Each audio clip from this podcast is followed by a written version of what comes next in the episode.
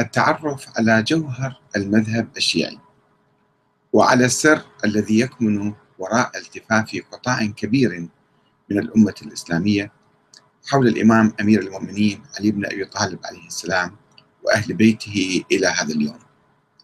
وفيما إذا كان المذهب الشيعي يمثل المعارضة الشعبية للأنظمة الدكتاتورية عبر التاريخ. المبحث الأول لماذا التشيع للإمام علي؟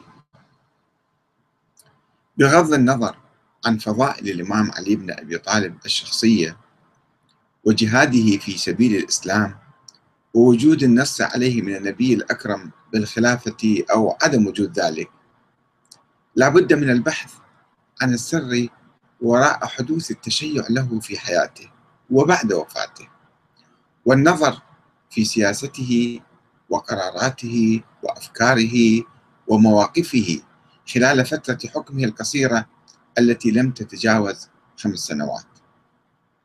فقد كان الإمام أمير المؤمنين علي بن أبي طالب نموذجا فاصلا بين مرحلتين عرفتهما الأمة الإسلامية وهما مرحلة الخلافه الراشدة ومرحلة الملك العظوظ والانقلاب على الأمة والإمام.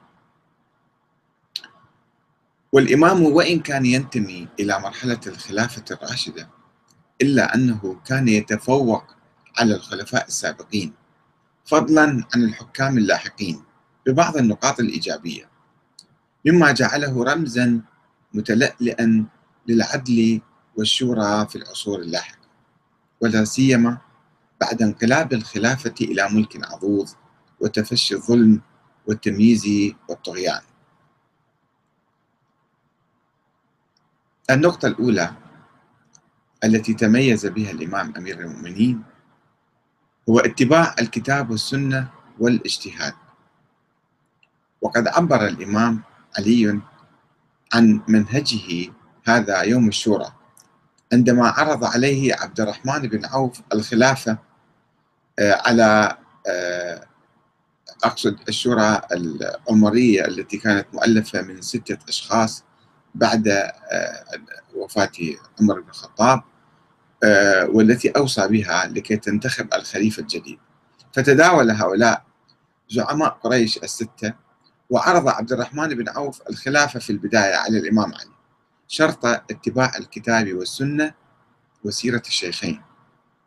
فوافق الإمام على الشرطين الأولين ورفض الشرط الأخير واستبدله بالاجتهاد. وقال واجتهاد رأيي. لماذا يجب أن ألتزم بما فعل السابقون وهذا ما فعله لاحقا عندما تولى الخلافة بعد عثمان وكان يعلن عنه بين آونة وأخرى ويقول نظرت إلى كتاب الله وما وضع لنا وأمرنا بالحكم به فاتبعته وما استنى, وما استنى النبي صلى الله عليه وآله فاقتديته وإنه ليس على الإمام إلا ما حمل من أمر ربه. الإبلاغ في الموعظة والإجتهاد في النصيحة والإحياء للسنة.